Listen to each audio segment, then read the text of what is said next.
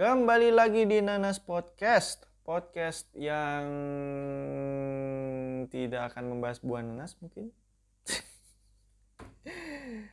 ya itu tagline untuk episode kali ini ya. Ya. Itu tagline yang kayaknya tagline yang udah pernah aku pakai di episode sebelumnya tapi ya ya udahlah ya. itu tadi aku ngomong yangnya kelamaan karena aku lagi mikir tuh. Yang itu aku mikir tuh apa ya tagline untuk episode kali ini ya. Yang beda, yang unik gitu ya. dan nyata nggak nyata sama aja gitu. Sama dengan episode-episode yang sebelumnya mungkin aku juga nggak tahu ya. Uh, tapi ya gitu sih.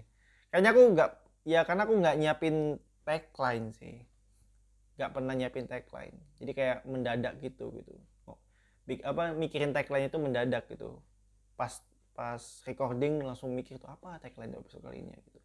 Langsung gitu mikir. gitu ya semenjak aku meninggalkan tagline ku yang lama ya yang bisa dikonsumsi oleh ibu-ibu hamil itu aku kayak bingung tuh apa tagline-nya gitu ya. Tapi aku pastikan di uh, episode tanggal 10 Mei 2021 aku pastiin nama podcast ganti tagline pun juga bakal aku tetepin tagline uh, aku bakal permanenkan tagline gitu. Tapi aku nggak tahu tagline-nya apa gitu.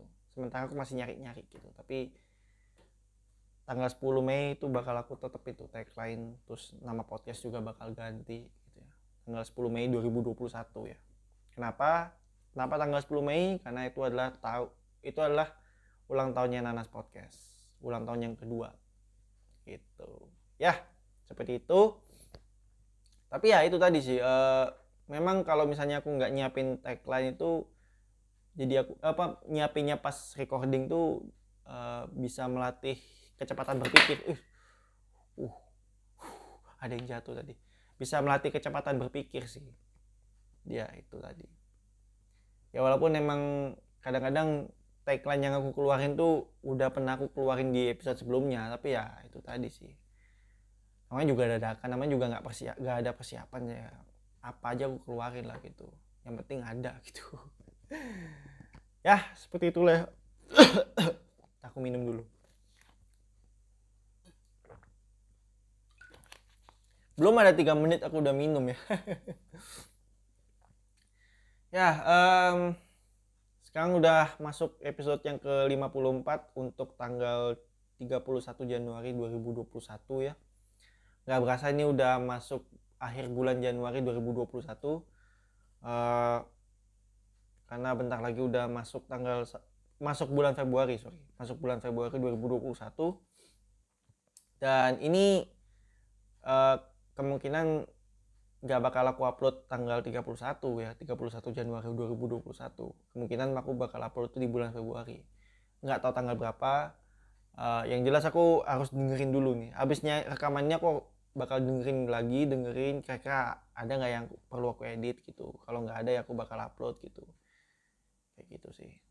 Ya seperti itulah dan ya apa ya uh, semenjak episode tanggal 25 Desember 2020 itu episode Natal itu eh, aku lupa episode yang berapa itu 25 eh 52 kayaknya.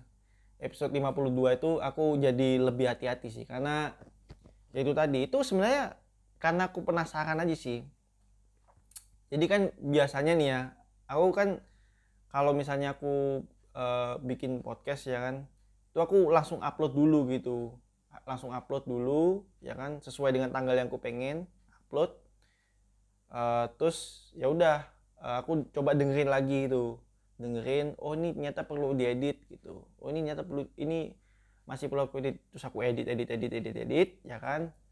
Terus ya udah gitu edit terus aku masukin tuh uh, dat apa rekaman yang udah aku edit masukin terus data yang sebelum aku edit tuh aku hapus.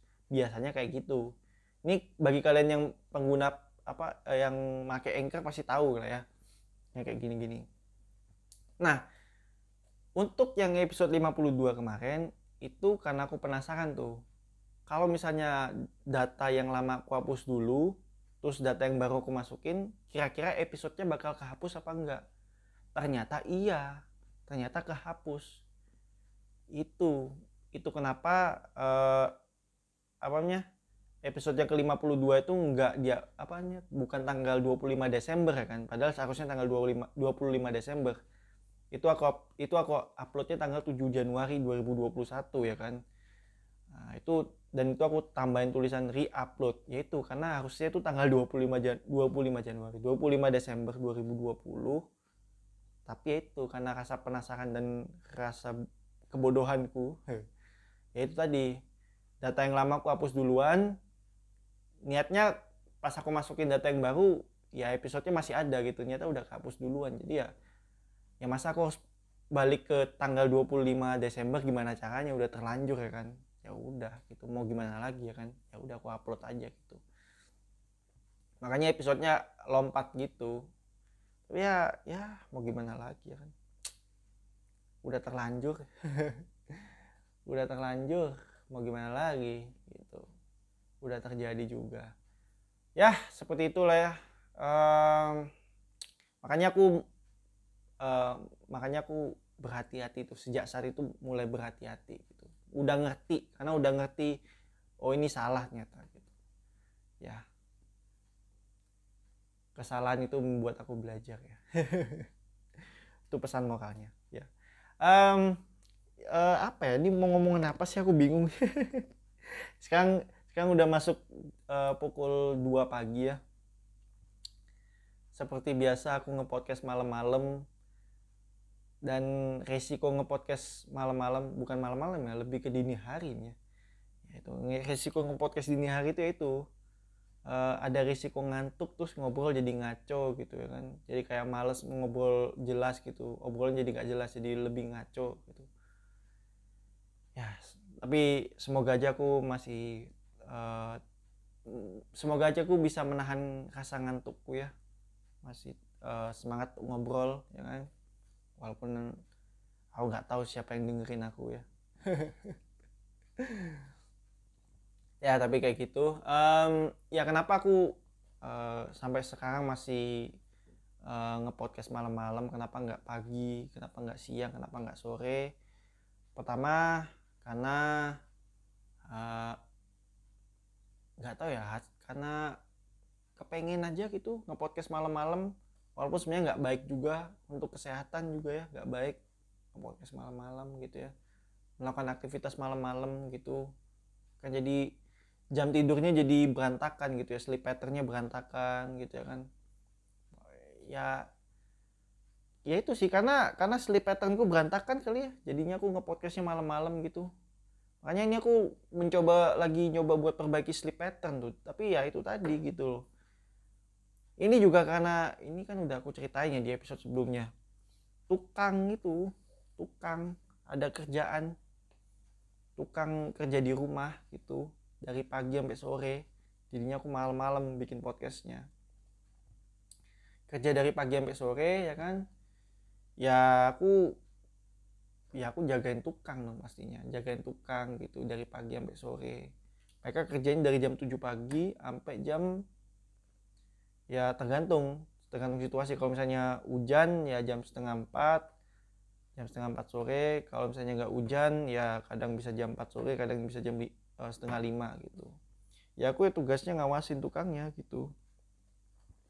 Ngawasin tukangnya. Walaupun sebenarnya nggak diawasin juga nggak apa-apa sih sebenarnya. Tapi ya ya aku ngawasin aja gitu ya biar aku tahu gitu up uh, uh, kondisinya gitu. Terus biar aku tahu juga perkembangannya kayak gimana sampai mana gitu ya kan.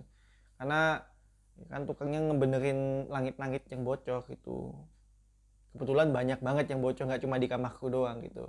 Kalau kalian lihat videoku kan kalian pasti lihat langit-langit di kamarku kan ada aku kasih lakbannya itu karena bolong gitu. Dan ya kalau misalnya bolong ya bot e, kalau pas hujan pasti bocor gitu. Kalau hujannya deras gitu ya bocor. Kalau hujannya biasa nggak bocor sih. Tapi kalau hujan terus tuh bocor tuh tuk, tuk, tuk, di kasur tuh basah sering. Ya itu. Akhirnya apa lakbannya dicopot dan lubangnya makin gede gila lah.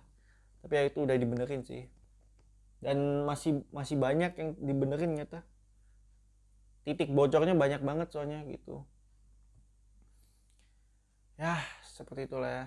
Uh, ya makanya aku ngepodcastnya malam-malam ya karena itu. Pagi sampai sorenya aku ngawasin tukangnya gitu. Ya tapi aku nggak nggak nggak tiap saat aku ngawasin. Pasti aku ada waktu buat makan buat mandi buat uh, browsing di HP browsing internet lah ya. Kayak gitu. Nggak tiap saat aku ngawasin gitu. aku kan ngawasin juga biar aku tahu kondisinya kondisinya seperti apa udah sampai mana perkembangannya itu tujuan gue ngawasin kayak gitu gitu. Karena kalau nggak diawasin aku nggak tahu gitu kan nggak tahu apa-apa. Ya seperti itulah ya.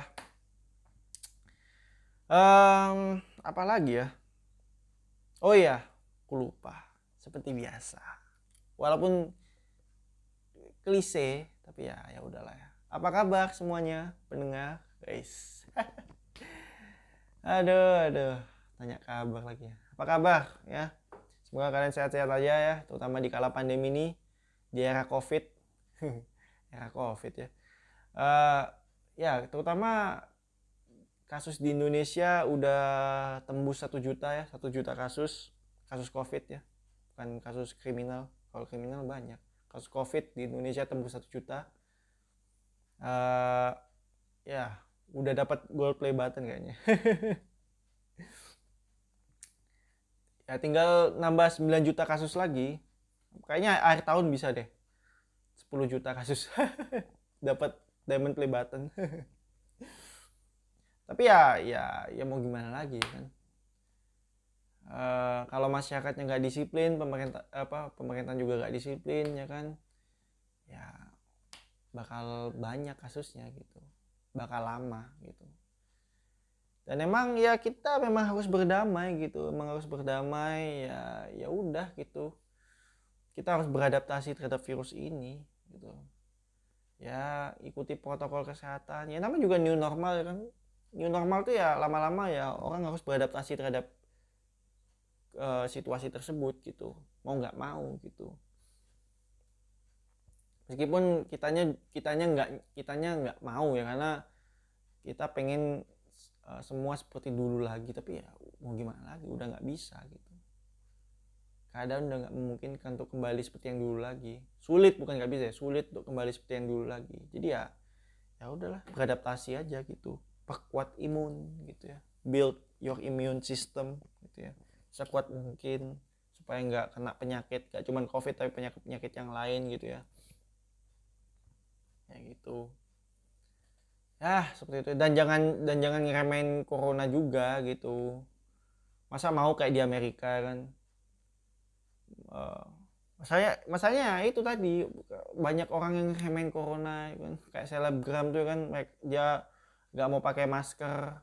Uh, termasuk dalam golongan anti masker dia. Nggak mau pakai masker nggak percaya corona. Eh dia ini bikin apa dia ngelakuin pemalsuan surat PCR brengsek ya. Si Erlang itu ya. Ya mau gimana lagi gitu. Ya ya itu tadi sih uh, gerakan anti masker juga nggak cuma terjadi di Indonesia tapi juga di Amerika ya. Ya di Amerika ya sama sama ininya. Sama bandelnya sama di Indonesia sama aja. Malah lebih parah kayaknya di Amerika sih. Lebih parah di Amerika sih. Bandel banget gitu. Orang Black Lives Matter aja mereka masih keluar rumah kok malah ini malah ada looting lootingan lagi buat apa gitu kan? Gitu sih. Gerakan anti masker juga banyak di Amerika. Lebih banyak masif malah orang-orang aku lihat di YouTube gitu banyak banget anti masker gitu. Kayak apa ya? Kayak uh, ngerekam video apa kayak record pakai video gitu ya. Terus ngata-ngatain orang yang pakai masker dikata-katain. Wah lu pikir ini di Cina pakai masker gitu ngapain lu pakai masker gitu Terus ada yang bilang, oh ini this is free country, right? free country, free country, my body, my rights, gitu ya kan. Dibilang ya karena ya mungkin mereka berpikir uh, kan Amerika kan menganut paham liberalisme jadi ya itu mungkin ya itu masyarakatnya merasa oh, free country free country dari dulu kayak gitu ngomong free country free country makanya sekolah banyak banyak pembunuhan kan ya itu tadi karena free country kan orang megang pistol anak-anak megang pistol tembak-tembak di mana-mana. Ya itu free country free country emang ya. Itu tadi sih. Terus orang-orang dikatain ship ship ship gitu karena ngikutin omongan pemerintah gitu ya kan. Omongan pemerintah dianggap bull bull bullshit gitu ya bullshit ya. Itu tadi sih. Bilang ship dibilang pusi gitu kan, karena pernah karena takut sama covid gitu ya kan. Kan mereka orang-orang anti maskernya juga nggak percaya dengan covid ya kan. Mungkin mereka menganggap covid itu adalah konspirasi mungkin aku juga nggak tahu ya. Itu tadi. Dikatain pusi-pusi. Ada tuh aku pernah lihat tuh uh, tiktoknya tattoo tattoo dead namanya. Aku lupa tuh. Ya itu tuh. Di supermarket. Dia masuk supermarket buat ngereka eh, buat buat bikin konten tiktok tuh ngata-ngatain orang ngata-ngatain orang pakai masker tuh oh ini pusi pusi pusi kayak gitu gitu ngapain lu pakai masker? gitu. Kayak bakal kena corona aja gitu kan. Bakal lah kena corona gitu. Kayak gitu. Bahkan mungkin dia mungkin dia mikir kayak pakai masker pun juga kena corona. Ya jangan kan pakai masker gak pakai masker pun bisa. Malah resikonya lebih malah lebih rentan gitu kena corona. Kayak gitu sih dia cuma masuk mall eh masuk supermarket cuma buat kayak gitu doang. Habis itu keluar dari dari supermarket gitu. Kayak anjir buat ngapain ya orang itu? Tattoo dead ya. Gitu ini gua ini gua gua gak pakai masker lo gua gak pakai masker. Gua nggak takut gua gak takut. Ya dengan dia ngetat ngetato badannya sampai leher-leher mah ya orang nggak bakal mikir dia takut ya kan gue ditato aja berani? Masa lu pakai masa lu sama covid gak berani kan? Gue ditato aja berani? Masa sama covid gue takut? Kayak gitu mungkin. Ya, ini tipikal-tipikal orang yang apa ya yang dia nyetir mobil tapi nggak pakai sabuk pengaman terus penumpangnya pakai sabuk pengaman dikatain pusi gitu. Ah lah lu ngapain pakai sabuk pengaman ya kan? Kayak bakal kecelakaan aja gitu. Gitu. Atau pakai apa naik e, naik sepeda motor gitu ya kan dia nyetir mot dia nyetir sepeda motor dia nggak pakai helm tapi penumpangnya pakai helm gitu. Ah lalu ngapain lu pakai pakai helm? gitu. Kayak bakal bocor aja kepala lu kalau saya kecelakaan gitu. Atau kecelakaan bocor palanya dia. Dia doang palanya bocor. Penumpangnya enggak gitu. Itu tadi sih maksudku apa ya aku, aku ini ini ini opini ku ya terhadap orang-orang anti masker nih ya opini ku adalah ya aku sih nggak membenahkan perilakunya dia ya. Tapi ya itu tadi aku itu terserah mereka sih. Buat aku sih itu terserah mereka. Mau dia nggak percaya covid mau dia nggak pakai masker terserah gitu loh. Terserah walaupun aku nggak membenarkan walaupun aku nggak setuju ya kan? Tetap lo harus mematuhi protokol kesehatan. Asalkan mereka eh, nggak uh, ngata-ngatain orang yang pakai masker gitu. Dikatain apalah pusi lah ship lah dikatain apal macam-macam emang di Cina apa kayak kayak ngeremehin covid banget gitu ngereme, bukan ngeremehin covid ya kayak ngerendahin orang yang pakai masker gitu. Di, disangkanya orang pakai masker tuh salah di mata dia gitu. Maksudku kayak lu punya hak untuk gak pakai masker untuk jadi anti anti masker untuk jadi uh, untuk gak percaya dengan covid lu punya hak terhadap itu ya lu harusnya juga menghargai orang yang pakai masker dong mereka juga punya hak untuk menjaga kesehatan mereka, menjaga keselamatan mereka, menjaga keamanan mereka dari orang-orang kayak dia, eh orang-orang kayak lu terutama, orang anti masker kayak lu terutama sih ya, kayak gitu. Dan itu kan hak mereka. Lu ngerendahin hak mereka, ya kan? Orang orang orang orang pakai masker bisa aja ngerendahin hak lu untuk jadi anti masker untuk nggak percaya corona. Dikatain apa sok berani sok jagoan sok sok kuat sok rebel gitu ya kan. Ah lalu paling bentar lagi lu positif atau mati lu. Hmm. maksudku orang-orang orang-orang yang kayak orang yang nggak pakai masker ini kan orang-orang yang yang merasa dia imun imun sistemnya kuat ya kan ya. Tapi kalau ya walaupun mereka jauh lebih rentan untuk kena covid sih. Tapi kalau misalnya emang beneran dia kena covid ya buat aku sih ya ya mereka deserve untuk kena covid buat aku ya. Deserve untuk kena covid gitu. Ya udah udah tahu situasi covid ini lo harus uh, ikuti protokol kesehatan gitu ya kan. Jaga kesehatan. Eh lu malah bikin konten gitu ngata-ngatain orang pakai masker ngata-ngatain orang yang berusaha jaga kesehatan berusaha jaga bukan cuma kesehatan keselamatan keamanan. Lu kata-katain oh ini ship ship ship pusi pusi kayak gitu-gitu ya kan? Ya kalau buat aku sih orang-orang yang anti masker ini kalau misalnya mereka kena corona ya they deserve it. Dan mereka nggak nggak nggak pantas untuk dapat treatment dari tenaga kesehatan. Nggak dapat nggak pantas untuk dapat penanganan dari tenaga kesehatan gitu loh. Karena tenaga kesehatan kan menganjurkan untuk menggunakan eh untuk mematuhi protokol kesehatan pemerintah pun juga. Orang-orangnya nggak mau nurut ya misalnya mereka positif ya mereka nggak pantas. Ya harusnya sih di, di negara bebas seperti itu ya, ya seperti Amerika tuh tenaga kesehatan harusnya punya kebebasan untuk tidak merawat orang-orang yang yang rebel seperti itu, yang apa ya, yang bebal seperti ini anti orang-orang anti masker ini gitu loh. Orang anti masker ini nggak harusnya misalnya dia kena misalnya dia positif ya positif covid ya. Ya walaupun untuk tahu positif covid atau enggak kan harus tes ya kan ya. Susah untuk untuk untuk bisa untuk ngerti oh ini aku positif oh negatif. Kalau nggak dites kan nggak kan susah untuk tahunya gitu. Tapi ya misalnya dia memang kena yang memang dia positif covid ya itu tadi jangan jangan dirawat jangan ditangani gitu sama tenaga kesehatan gitu. Ya walaupun memang beresiko nularin ke orang lain gitu kan orang-orang masker ini nggak percaya covid ya kan? Mereka positif negatif mereka nggak percaya gitu. Ngapain? Apaan sih ini? Gitu.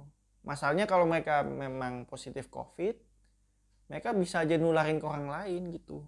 Kan kasihan orang yang berusaha buat jaga keselamatan jaga keamanan mereka jaga kesehatan mereka.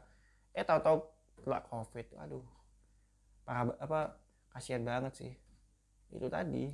Maksudku lo mau jadi anti masker nggak percaya covid terserah. Aku nggak ya walaupun aku nggak setuju dan nggak membenarkan itu tapi ya jangan ngerugiin orang lain juga. Gitu loh. Ya itu sih.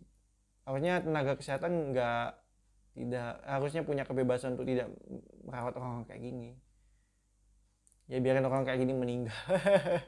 Like like they deserve to get covid gitu loh kalau mereka kena ya. They deserve it kayak gitu. Karena kan itu pilihan mereka gitu loh. Ya seperti itulah ya. Ah main-main aja orang-orangnya.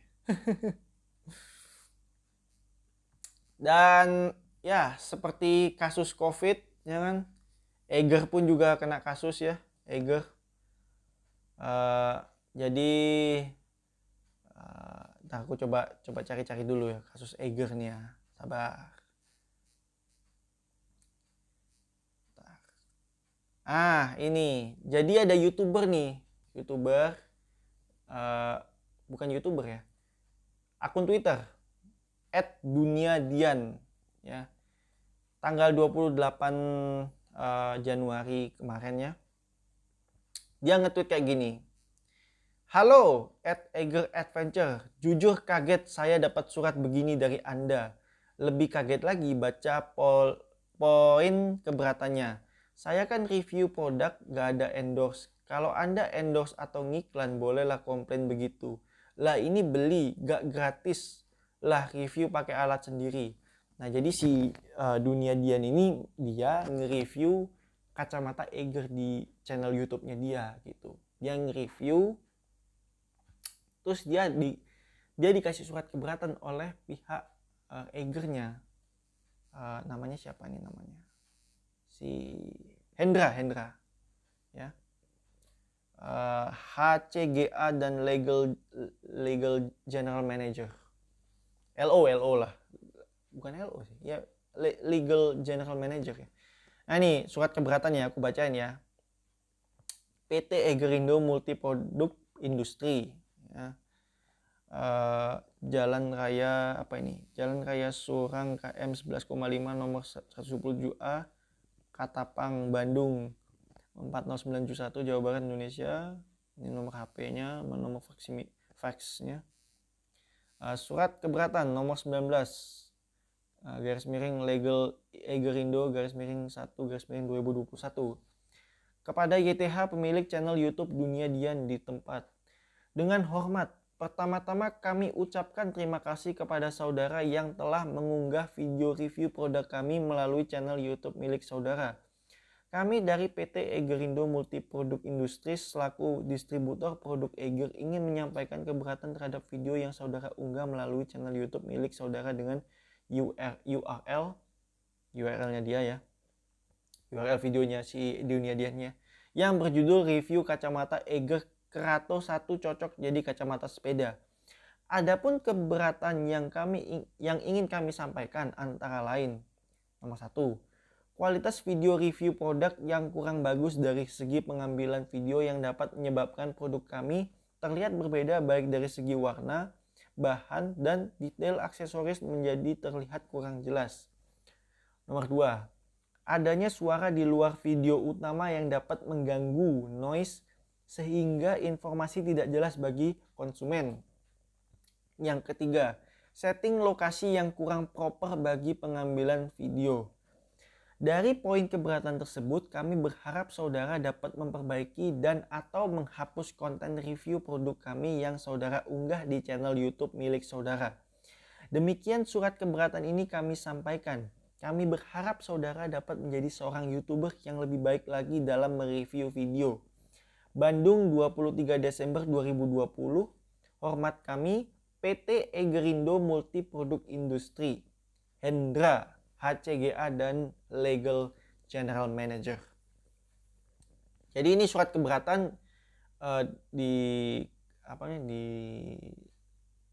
di apa ya dibuat tanggal 23 Desember 2020 berarti udah lama ya berarti jauh sebelum uh, jauh sebelum tanggal 25 ya?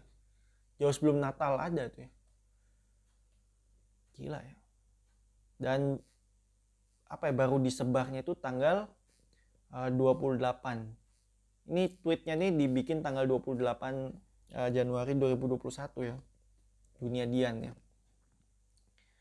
Ya itu. Maksudku si siapa si si dunia Dian ini nge-tweet kayak gini. Uh, terus aku sempat ngeliat tuh reply-nya. Reply reply-nya ternyata nggak cuman si dunia Dian doang yang kena ini siapa nama aslinya? Dian Widianako ya itu. Dian Widianako ini ya. Si Mas Dian ini aku baca reply-nya ternyata nggak cuma dia yang kena surat keberatan itu ternyata banyak konten kreator yang review produk Eger yang kena surat keberatan tersebut karena tidak sesuai dengan apa yang diinginkan oleh pihak Egernya. Nah, masalahnya di sini adalah itu tadi barang yang direview tuh bukan barang endorsan dari barang yang ya itu barang endorsan dari pihak Egernya gitu loh. Jadi dia nge-review tuh dia tidak di endorse oleh pihak Eger gitu loh. Dia beli itu sendiri dia karena dia senang dengan Eger dengan produk-produk Eger dia coba untuk nge-review dengan uh, dengan seadanya ya. Aku coba cari tweetnya ya. Nah, ini aku karena aku screenshot sih bentar aku coba cari tweetnya. Eh uh, uh. Tar, tar, tar. mana ya? Waduh.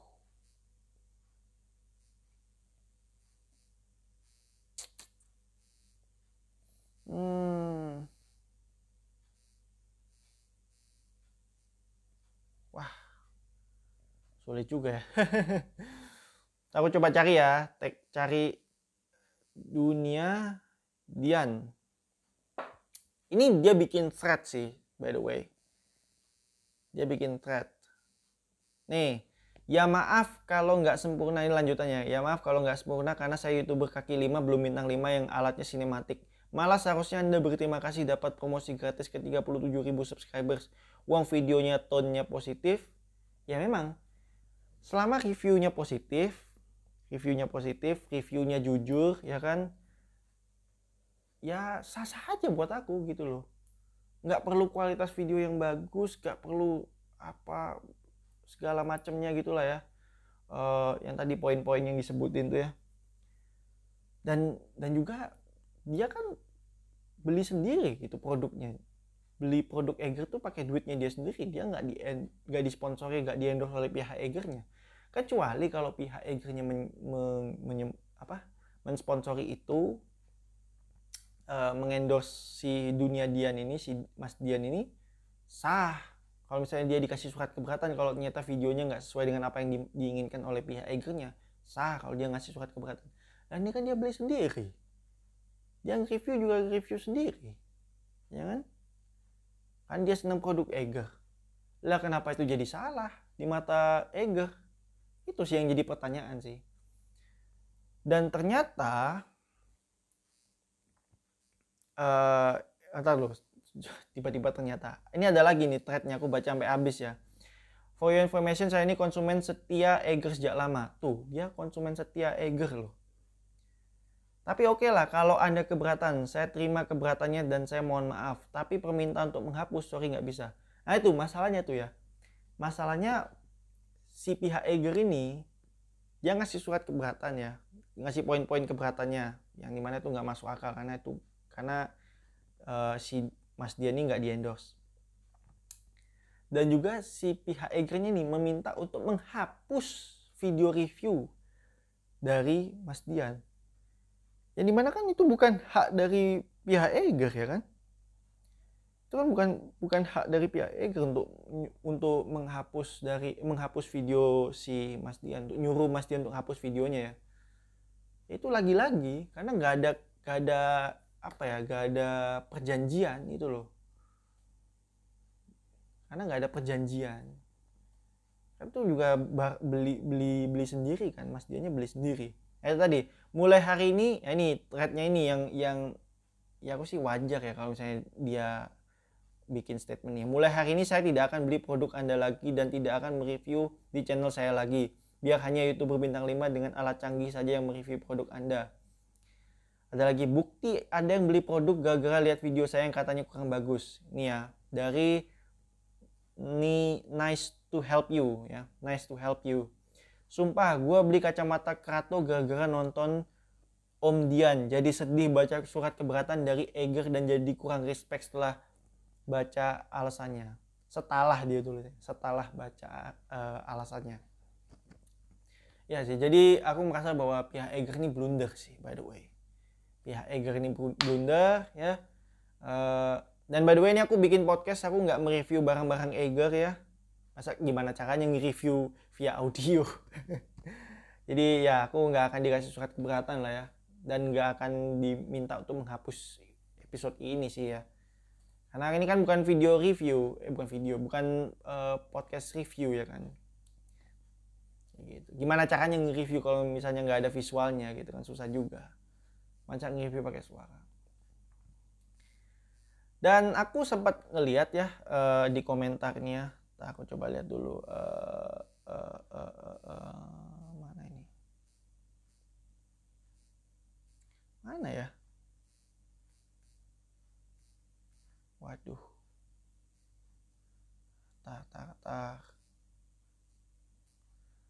ah lupa lagi aku. Uh, aku aku ini screenshot ya. Ah lupa.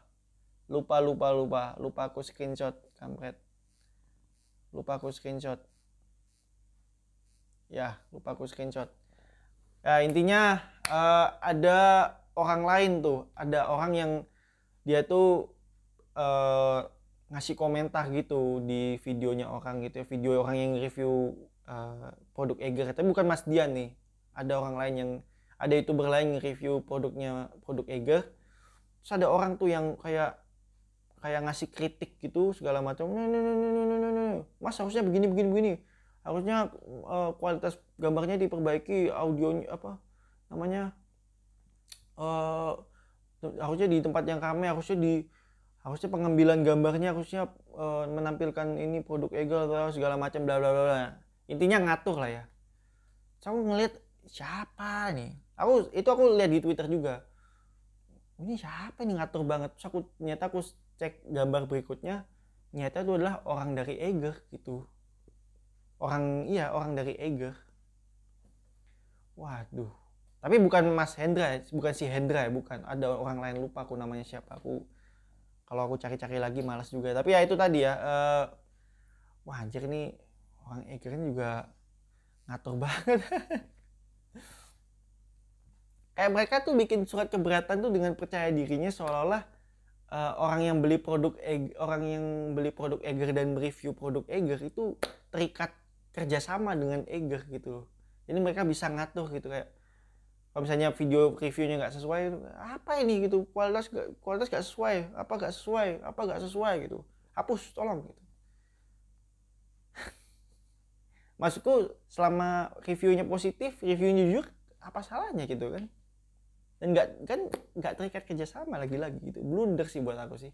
Kecuali kalau review negatif ya meskipun nggak ada kerjasama dia apa pihak agennya keberatan sah buat aku atau mereka di endorse gitu eh, orang yang review itu di endorse gitu. Ada terikat kerjasama sah. Kalau misalnya kalau misalnya nggak sesuai keberatan sah. Nah ini kan review positif. Barang beli sendiri. Review pakai barang dia beli sendiri tidak di endorse. Dikasih surat keberatan. Kan blunder dong bro. Dan gak cuman dia doang gak cuman Mas Dian doang banyak. Nyata ada lebih dari satu nyata. Ngeri sih dan uh, beberapa saat kemudian uh, ya beberapa beberapa jam setelahnya Eger ngebales tweet dari uh, at ya bales tweet dari dunia Dian ya Mas dunia Dian, kami menyadari apa yang kami lakukan tidak tepat dan salah. Dengan segala kerendahan hati kami mohon maaf sebesar-besarnya. Kami telah menyampaikan surat permohonan maaf resmi ke email Mas Dian. Terima kasih dan sekali lagi kami ucapkan mohon maaf. Jadi baru viral nih, baru minta maaf ya. Padahal ini surat udah lama sebenarnya. Dan pas surat ini disebarin di disebarin sama si Mas Dian ini itu wah banyak banget tuh uh, banyak banget orang yang ngetrol tuh terutama lawan apa namanya uh, pesaingnya si Eger siapa yang namanya? Array apa nih? Array Array Array Outdoor Gear. Array Outdoor Gear. Aku nggak tahu nih Array Outdoor Gear. Ini produk produk dalam negeri juga tapi ya. Array Outdoor Gear ini juga bikin uh, apa ya bikin kayak troll gitu sih. Cari celah ini istilahnya cari celah. Surat keringanan gitu ya kepada YTH seluruh masyarakat Indonesia di tempat dengan ini kami pihak area outdoor gear dan manajemen menyatakan bahwa seluruh masyarakat baik pengguna dan bukan pengguna baik pelanggan maupun bukan pelanggan baik yang bersangkutan maupun yang tidak bersangkutan berhak untuk mereview produk kami dengan satu sesuka hati dengan cara apa pun dua dengan kamera apa pun tiga dengan tema apa pun empat dengan lokasi di mana pun kami ikhlas Bandung 28 Januari 2020. Waduh, waduh. Ini kayaknya dia bikin apa uh, pihak area outdoor-nya bikin suratnya keburu-buru kali ya. Kayak mereka bikin celah, oh celah nih, oh bikin bikin bikin gitu. Sampai lupa kalau tanggal tanggalnya eh apa tahunnya 2021 harusnya, bukan 2020. Saking buru-burunya ya bikin wah ini ada celah nih langsung bikin langsung bikin gitu tertanda cinta dan kasih area outdoor gear 28 Januari 2020 ya gila banget. Bisa tipu gitu ya. Tapi ya itu sih blunder sih. Dan aku salah satu orang yang uh, yang menemukan celah komedi di balik blunder dari pihak Eger ya. Dan kebetulan aku uh, dari dari dulu sebenarnya sih aku uh, beli beli produk-produk Eger sih dari dulu. Bukan baru-baru ini doang. Dari dulu aku beli produk Eger gitu karena bagus aja gitu buat aku aku punya tas Eger gitu ya. Dan aku kayak kayak berencana untuk bikin video apa ya bikin video sarkas gitu ke produk Eger gitu ya kan. Jadi aku kayak bikin video di mana aku bukan mereview produk Eger jadi aku beli produk Eger tapi aku bilang aku nggak nge-review. Nah, aku nyebutin tuh alasan kenapa aku gak nge-review produk Eger. Aku jelasin, aku uh, jelasinnya berdasarkan poin yang yang ada di surat keberatannya pihak Eger itu, yang ditulis sama si Mas Hendra itu ya. yang ditandatangani sorry oleh Mas Hendra ya uh, habis itu ya udah tuh poin-poinnya aku apa poin-poinnya itu aku reenact lagi ya poin ketiga poin tersebut aku reenact aku aku nggak mau review karena kualitas video ini ini, ini. terus uh, ada suara noise terus juga lokasi penem, lokasi pengambilan gambar tidak sesuai segala macam. Kayak gitu. Itu tiga poin itu aku kayak jadi bahan bahan bahan buat ini bahan buat uh, apa ya. Sebenarnya sih sebenarnya sih kalau misalnya aku dibilang nyerang pihak Eger juga ya mau gimana lagi aku menyampaikan fakta kan. Aku menyampaikan tiga poin yang ada di surat keberatan. Gak ada yang salah dong gitu loh. Kan dan kalau mereka nggak terima masa mereka mereka tersinggung terus terhina gitu kan dengan uh, candaanku ya mau gimana ya kan ya ya terus mereka nyuruh aku hapus videonya aku dikenakan pasal 273 undang-undang ITE ya gimana nggak bisa gitu loh. Karena yang aku sampaikan fakta ada di surat keberatan poin poin-poin yang aku sampaikan tuh semuanya ada di surat keberatan gitu kan. Kayak gitu makanya dan aku juga bilang itu bukan bukan video review. Apa sih judulnya? Aku lupa. Bukan review produk Eger biar gak dapat surat cinta. Ya surat cinta ya surat keberatan itu tadi gitu loh. Ya, ya tadi sih uh, ya itu aku uh, aku bikin videonya itu video sarkas kayak gitu. Dari blunder itu. Ya aku karena karena itu tadi karena aku karena dari surat keberatan tuh aku kayak menemukan celah komedi terus kayak menemukan ide konten mendadak gitu ya. Dan aku bikinnya ya asal-asalan gak ada persiapan. Ya namanya juga bukan video review. Ya udah aku cuman bilang aku beli beli produk ini. Aku baru beli produk ini padahal itu produknya udah lama aku beli. Uh, tapi aku nggak nge-review produk ini gitu. Ya itu aku jelasin. Ya tapi aku aku emang produk Eger emang bagus-bagus sih cuman ya itu sih mereka blunder sih banyak jadi banyak yang kecewa sih sama Eger. Jadi banyak apa Eger jadi kehilangan konsumen jadi rugi.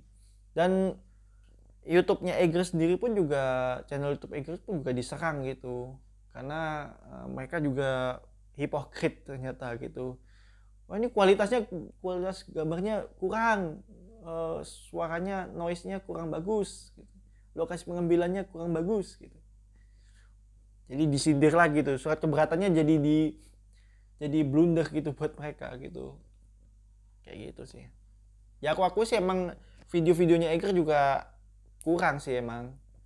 Kurang. Kualitas videonya kualitas ya kualitas videonya kurang gitu. Tapi ya itu tadi kenapa mereka mereka bisa kayak gitu ya? Aduh nggak tahu lagi sih dan ya eh, karena itu juga karena viralnya tweet dari Mas Dian PT Egerindo ini bikin surat ya eh, surat pernyataan ya. Nih. PT Egerindo Multi Produk Industri. Pernyataan PT Egerindo Multi Produk Industri MPI MPI harusnya kan MPI ya benar sih EMPI kan harusnya kan? Egerindo Multi Produk Industri EMPI kan harusnya. Terkait surat keberatan video review produk Bandung 28 Januari 2021 atas nama perusahaan PT Egerindo Multi Produk Industri MPI EMPI harusnya sebagai perusahaan yang menaungi merek Eger Adventure dengan rendah hati kami menyampaikan permintaan maaf sebesar-besarnya kepada masyarakat atas masalah yang terjadi. Terkait dengan hal tersebut, ada beberapa hal yang dapat kami sampaikan. Surat yang diunggah melalui akun Twitter @duniadian benar dikirimkan oleh tim internal kami. Jadi fakta ya. Jadi surat tersebut bukan hoax ya. Kedua, kami sadari apa yang kami lakukan tidak tepat dan salah. Mereka mengakui itu. Sejatinya maksud dan tujuan awal kami adalah untuk memberikan masukan kepada reviewer agar lebih baik lagi. Tetapi sekali lagi kami menyadari bahwa cara penyampaian kami salah. Sebenarnya bukan cara penyampaiannya yang salah sih. Ya dari awal sebenarnya salah gitu. Karena karena ya itu tadi tidak ter, tidak adanya kesepakatan, tidak adanya perjanjian kerjasama kesepakatan segala macam tidak ada itu jadi ya kalau mau ngasih masukan ya ya gimana ya susah juga ya harusnya nggak usah dikasih masukan sekalian gitu ya. Ya ke kecuali kalau misalnya review reviewnya negatif mungkin ya. Kesan menjelekan kasih surat keberatan sah. Ya itu tadi sih reviewnya positif ya kan. Mungkin memang mungkin uh, secara kualitas video kurang bagus. Tapi ya mau gimana lagi ya kan? Itu kan juga karena karena peralatannya juga sederhana peralatannya seadanya kan. Peralatan dari Mas Dian sederhana. Bukan sederhana sih seadanya. Gitu loh. Bukan mereka dia nggak pakai uh, kamera yang bagus gitu ya. Segala macam.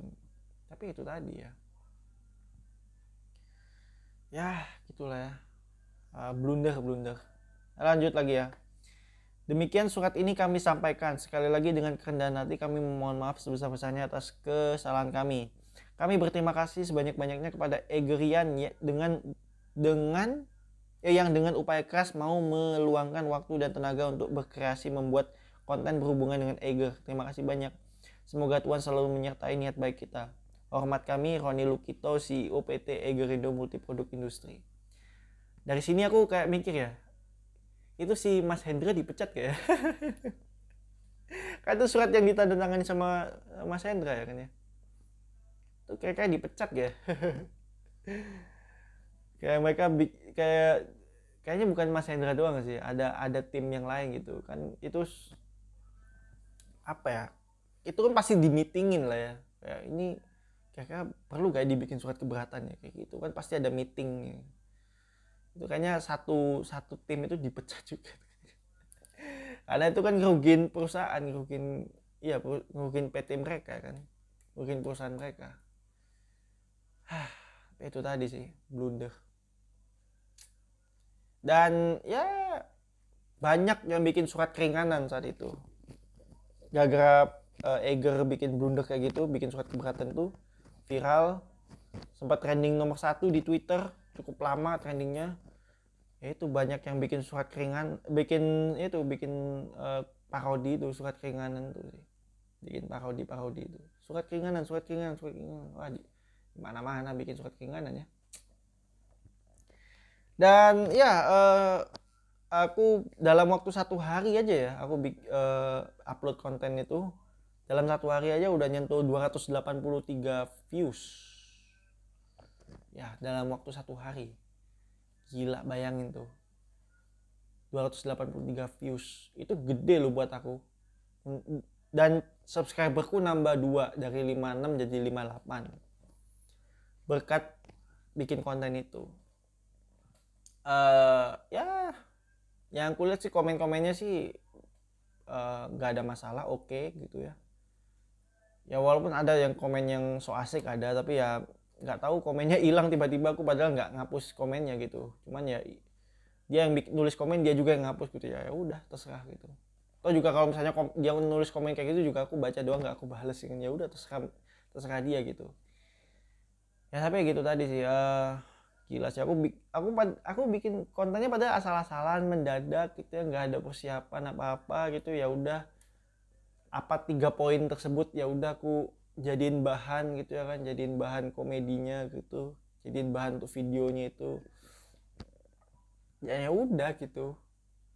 Mendadak banget gitu kon aku bikin konten tersebut gitu.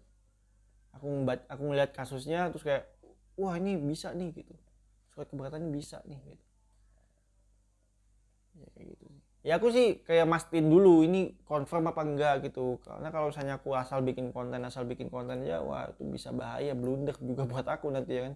Karena takutnya hoax ternyata itu benar gitu itu tuh benar segala macam udah ngela, uh, udah apa nulis permintaan surat permintaan maaf juga oh ini berarti benar nih bukan hoax. Sikat aja langsung bikin konten gitu.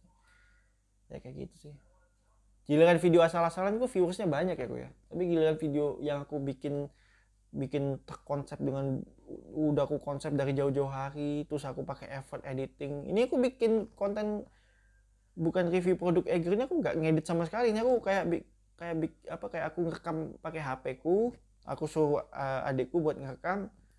Ya udah langsung aku upload aja gitu. Nggak aku edit segala macam nggak aku cut cut apa ah nggak ada gitu langsung upload bikin upload gitu karena emang uh, apa ya emang konsepnya kayak gitu emang aku bikin konsepnya. Se sejelek mungkin gitu. Itu juga aku nulisnya bukan review produk Eger kan. Kan dia kan mereka kan keberatannya karena kualitas videonya jelek. Kualitas videonya kurang bagus. Ya udah aku bikin jelek aja sekalian dan virusnya banyak emang. Ya emang kan karena aku karena pas itu lagi rame kayaknya. Makanya virusnya lumayan gede sih uh, ya tapi ya ada sih video yang ku konsep dan viewersnya gede dan itu jamban sih. Jamban itu yang gede itu. Satu cuma satu episode doang. Enggak sih dua. Yang tiga digit ada dua. Yang niup gelembung pemain karet sama yang siul nah kalau yang yang siul itu dapat seribu views jadi tuh bikin season 2 udah aku siapin si kons apa eh, uh, konsepnya udah jadi. Terus juga apa yang bakal aku lakuin juga aku udah tahu nantinya 6 episode itu apa aja aku udah ngerti. Tinggal eksekusi aja sih. Tapi sejauh ini masih 500 views jadi ya ya tunggu aja lah. Paling bulan Juni mungkin nggak tahu sih. Paling pertengahan bulan eh pertengahan tahun sih bakal nyentuh seribu. Kalau udah nyentuh sih langsung ah eksekusi gitu. Season 2 sama season 3 sih langsung satu juga. Nggak ada break season. Enggak sih ada break season cuman dua minggu. Langsung season 2 eh langsung season 3 gitu. Gitu sih. Bener-bener kerja keras sih nantinya. Kayak gitu. Ya kan soalnya kan jarang-jarang gue dapet viewers sebanyak itu ya. Viewers sampai 4 digit kan uh, pertama kalinya gitu. Jadi ya itu tadi langsung eksekusi. Ya seperti itulah ya. Uh, jadi yang dilakuin Eger blunder ya semoga tidak terjadi lagi yang kayak gitu-gitu ya. Karena uh, ya namanya juga perusahaan mereka harus korporasi harus mau mendengarkan ini sih harus mau menerima review eh ya itu menerima review dari orang-orang gitu ya tadi selama mereka ada terja, terjalin kesepakatan kerjasama gitu ya kan perjanjian kerjasama gitu. Kalau misalnya nggak sesuai ya sah. Melayangin surat keberatan. Nyuruh hapus sah gitu. Sah. Atau emang reviewnya jelek gitu ya. Maksudnya bukan dari bukan dari kualitas video bukan. Tapi yang dia review barang-barang itu loh nggak sesuai gitu ya. Uh, nyata nggak sesuai dengan uh, barangnya gitu misalnya. Misalnya ini kacamatanya jelek sampah nih. Terus dipatah-patahin segala macam gitu ya. Barang jelek nih sampah nih. Apa ini? Kayak gitu. Terus apa oh di di fitnah-fitnah segala macam nah itu baru tuh ngelayangin surat keberatan. Itu nggak cuma surat keberatan sih surat tuntutan. Kalau fitnah ya. tapi kalau misalnya kalau kayaknya review jelek sih kayaknya nggak apa-apa deh harusnya harusnya sih nggak apa-apa sih. Selama nggak terjalin kerjasama ya. Nggak terjalin kesepakatan segala macam ya. Sih sah-sah aja. Ya kalau udah fitnah sih baru nggak boleh. Ya kayak gitulah ya. Um, apa lagi ya? Oh ya by the way uh, ini aku nggak ngerekam via anchor ya. By the way ini aku ngerekam pakai rekaman HP dan aku ngelihat logo anchor kan udah ganti ya logo anchor ya. Tapi aku jujur ya aku lebih suka logo anchor yang lama ya. Jujur aja nih aku jujur. Aku lebih suka logo anchor yang lama daripada logo anchor yang baru gitu. Katanya logo anchor yang baru tuh kayak kayak kayak coretan anak SD gitu. Set gitu doang gitu. Ya apa gitu filosofinya gitu. Kalau logo anchor yang lama kan jelas filosofinya. Anchor anchor itu apa ya? Jangkar ya? Jangkar. Terus ada tiga garis itu yang melengkung tiga garis melengkung tuh menandakan tuh uh, atau itu antara koneksi internet atau mungkin sound ya audio. Eh ya kayaknya audio deh audio. Itu tadi. Logo apa gambar audio gitu uh, sama gambar jangkar. Jadiin satu. Ya gitu. Itu jelas lebih filosofis. Kalau yang yang logo yang baru ini apa gitu nggak ada anchornya gitu. Mana anchornya juga nggak jelas gitu kan. Aku jujur lebih suka yang lama sih karena lebih filosofis aja gitu buat aku logonya. Kayak aku tuh ngerti oh ini anchor jangka terus ada gambar uh, soundnya gitu volume suara gitu jelas gitu. Yang baru ini apa gitu? Tuh kalau misalnya logonya dijadiin vertikal tuh jadi kayak asapnya jin gitu. Gue beri satu permintaan kalau logonya itu vertikal terus dibalikin lagi di, di apa namanya di rotate 180 derajat itu jadi gambar ini apa namanya gambar ee -e gitu. Gambar pup. Iya itu. Gambar asap. Asapnya jin keluar. Gue beri satu permintaan. Atau gambar ini gambar angin tornado gitu. Logo tornado gitu ya gitu sih. Aku aku sih bingung ya sama logo-logo yang ya mungkin desainernya apa ya, berusaha buat membuat logo itu sesimpel mungkin ya.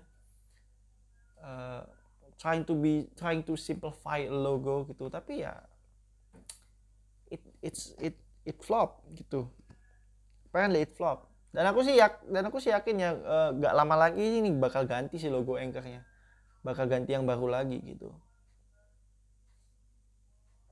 yakin aku sih bakal ganti. Uh, banyak sih logo-logo yang ganti ya. Maksudnya logo-logo yang bukan ganti ya logo-logo yang dibuat lebih simplify gitu. Yang di, dibuat lebih sederhana gitu. Buat lebih simple. Karena kan emang lagi zamannya kan logo-logo tuh dibuat uh, sesimpel mungkin gitu.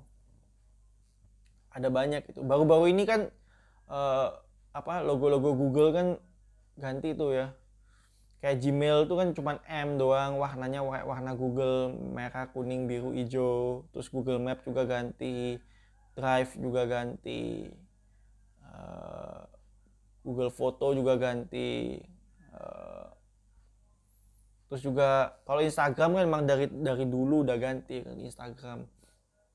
Uh, logo Instagram lebih lebih simple. Dulu kan ya dulu lebih ya ya aku sih sebenarnya kalau yang Instagram logo Instagram dulu kalau kalian tahu ya. Logo Instagram dulu kan bukannya warna apa nih ungu pink kuning itu ya.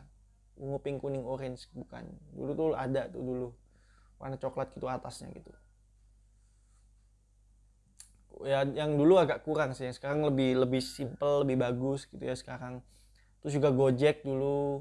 Kalau kalian tahu Gojek dulu logonya uh, ada orang nyet, uh, nyetir motor gitu ojek ya kan. Terus ada koneksi internetnya gitu di atasnya gitu. Sekarang kan lebih dibikin lebih simple gitu Gojek kan. Uh, ya cuman anchor sih yang aku jadi pertanyaan sih.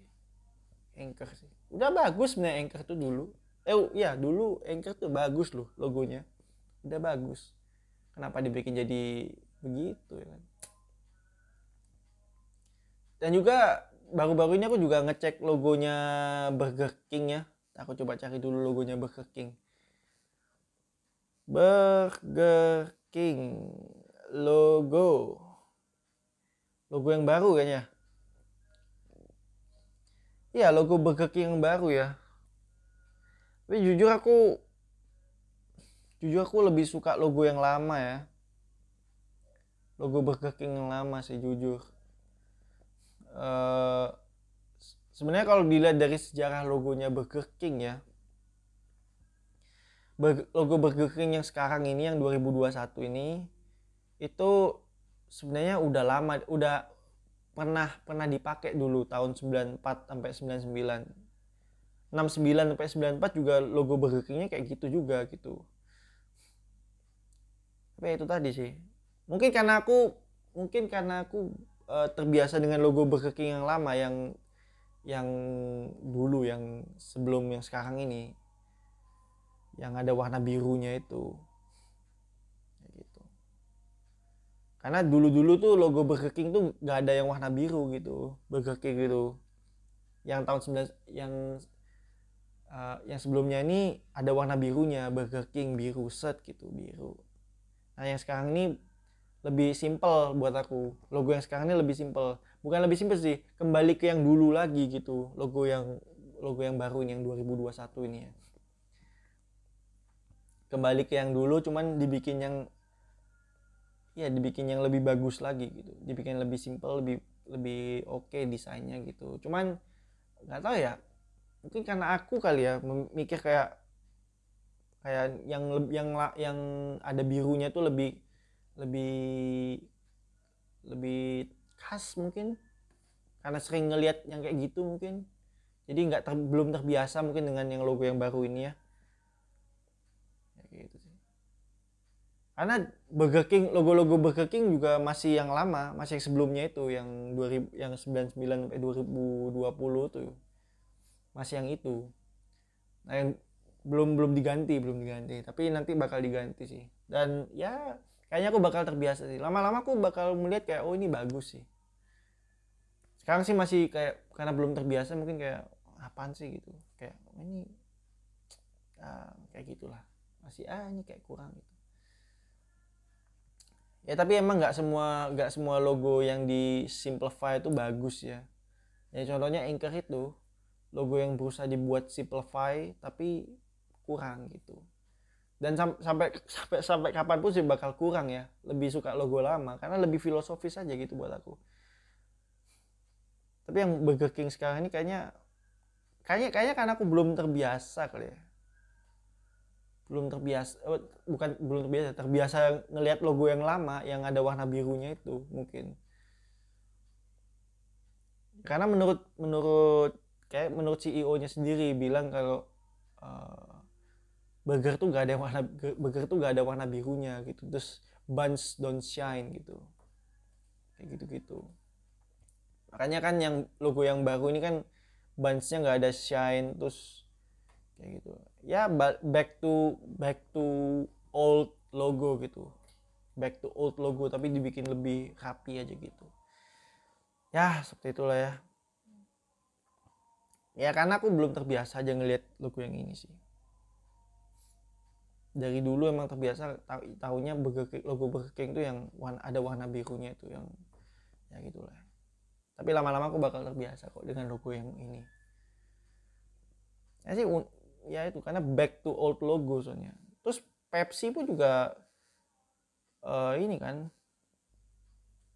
Ya Pepsi kan juga uh, logonya kan baru kan itu logonya Pepsi. Tapi itu kan logo tahun berapa itu digantinya tahun berapa itu? Aku lupa. Kalau Pepsi.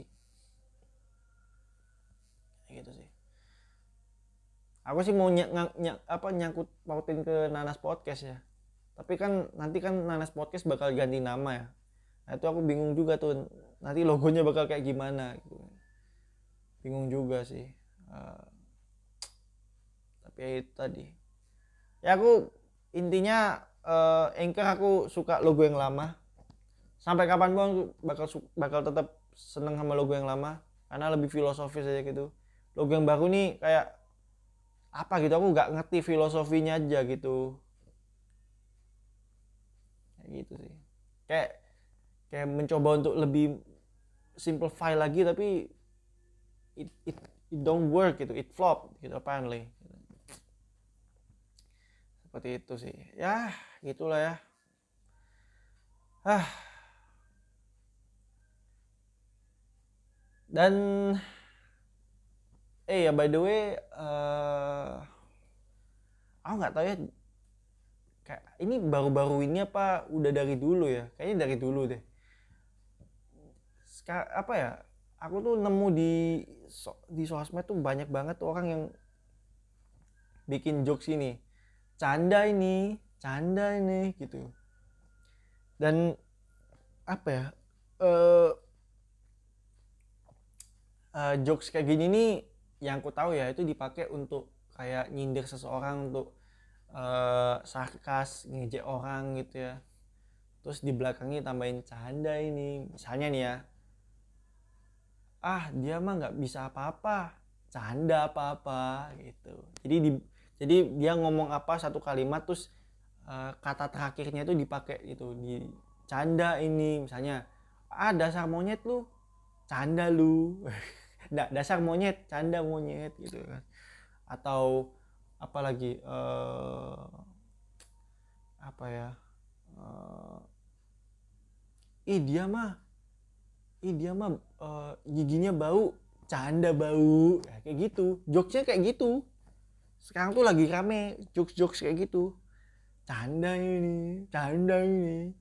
Kak yang jadi pertanyaanku ya emang ada di dunia nyata orang ngejokes kayak gitu?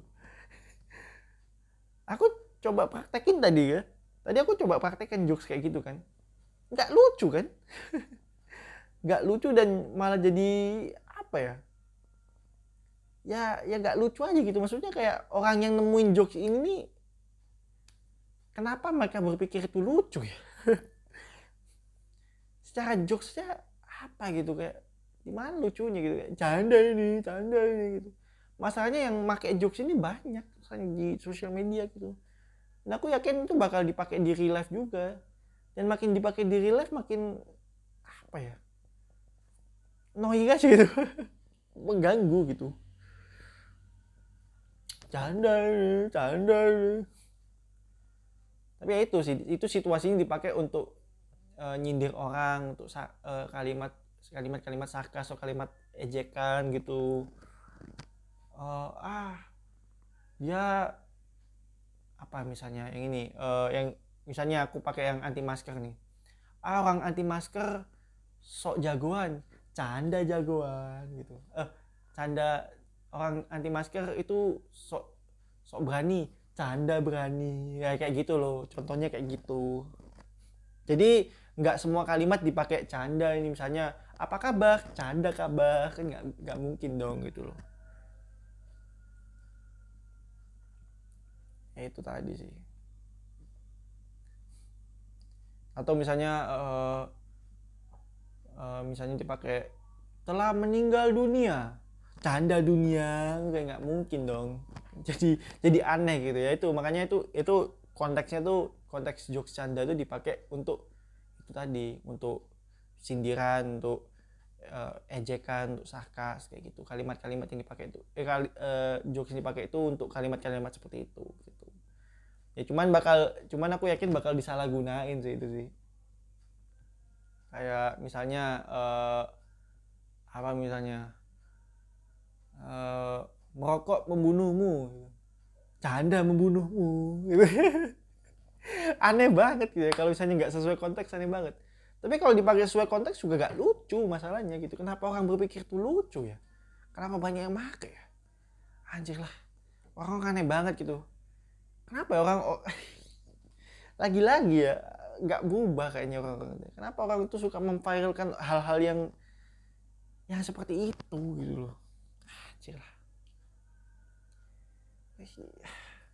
Atau juga itu dipakai di real life juga gak lucu jadi annoying gitu loh tahu ya apakah emang ada di tongkongan orang ngejokes kayak gitu ya? Mungkin mereka berpikir di di tongkongannya ngejokes kayak gitu lucu kali ya. Wah ini jokes canda ini lucu nih kayaknya nih. Ah dia mah miskin canda miskin gitu. Apa di mana lucunya gitu loh?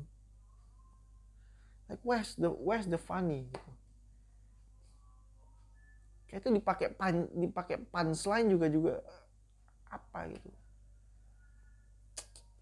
Nggak tahu juga sih. Ya seperti itulah ya episode kali ini ya. Dan sekarang udah pukul pukul tiga lebih. Ya terima kasih uh, telah mendengarkan episode kali ini. Jangan lupa dengerin di Anchor, Spotify, Google Podcast, Radio Public dan Breaker ya. Dan uh, kalau kalian mau nanya-nanya ngasih masukan ya. Asalkan bukan surat keberatan. Silakan kirim di emailnya nanaspodcast uh, realnanaspodcast@gmail.com ya. Uh, kalau kalian mau beriklan ya silakan beriklan di Nanas Podcast ya. Uh, asalkan asalkan tidak bertentangan dengan hukum ya asalkan legal dari hukum dan asalkan ada duitnya juga menguntungkan kedua belah pihak silakan aja kirim di emailnya Nanas Podcast di realnanaspodcast@gmail.com ya. Ya segitu aja untuk episode kali ini. Tuh aku kalau ngepodcast malam-malam tuh kalau nggak ngantuk lapar. Itu tuh ngepodcast dini hari tuh. Ini aku lapar banget nih tapi mau makan juga nggak ada makanan soalnya di bawah.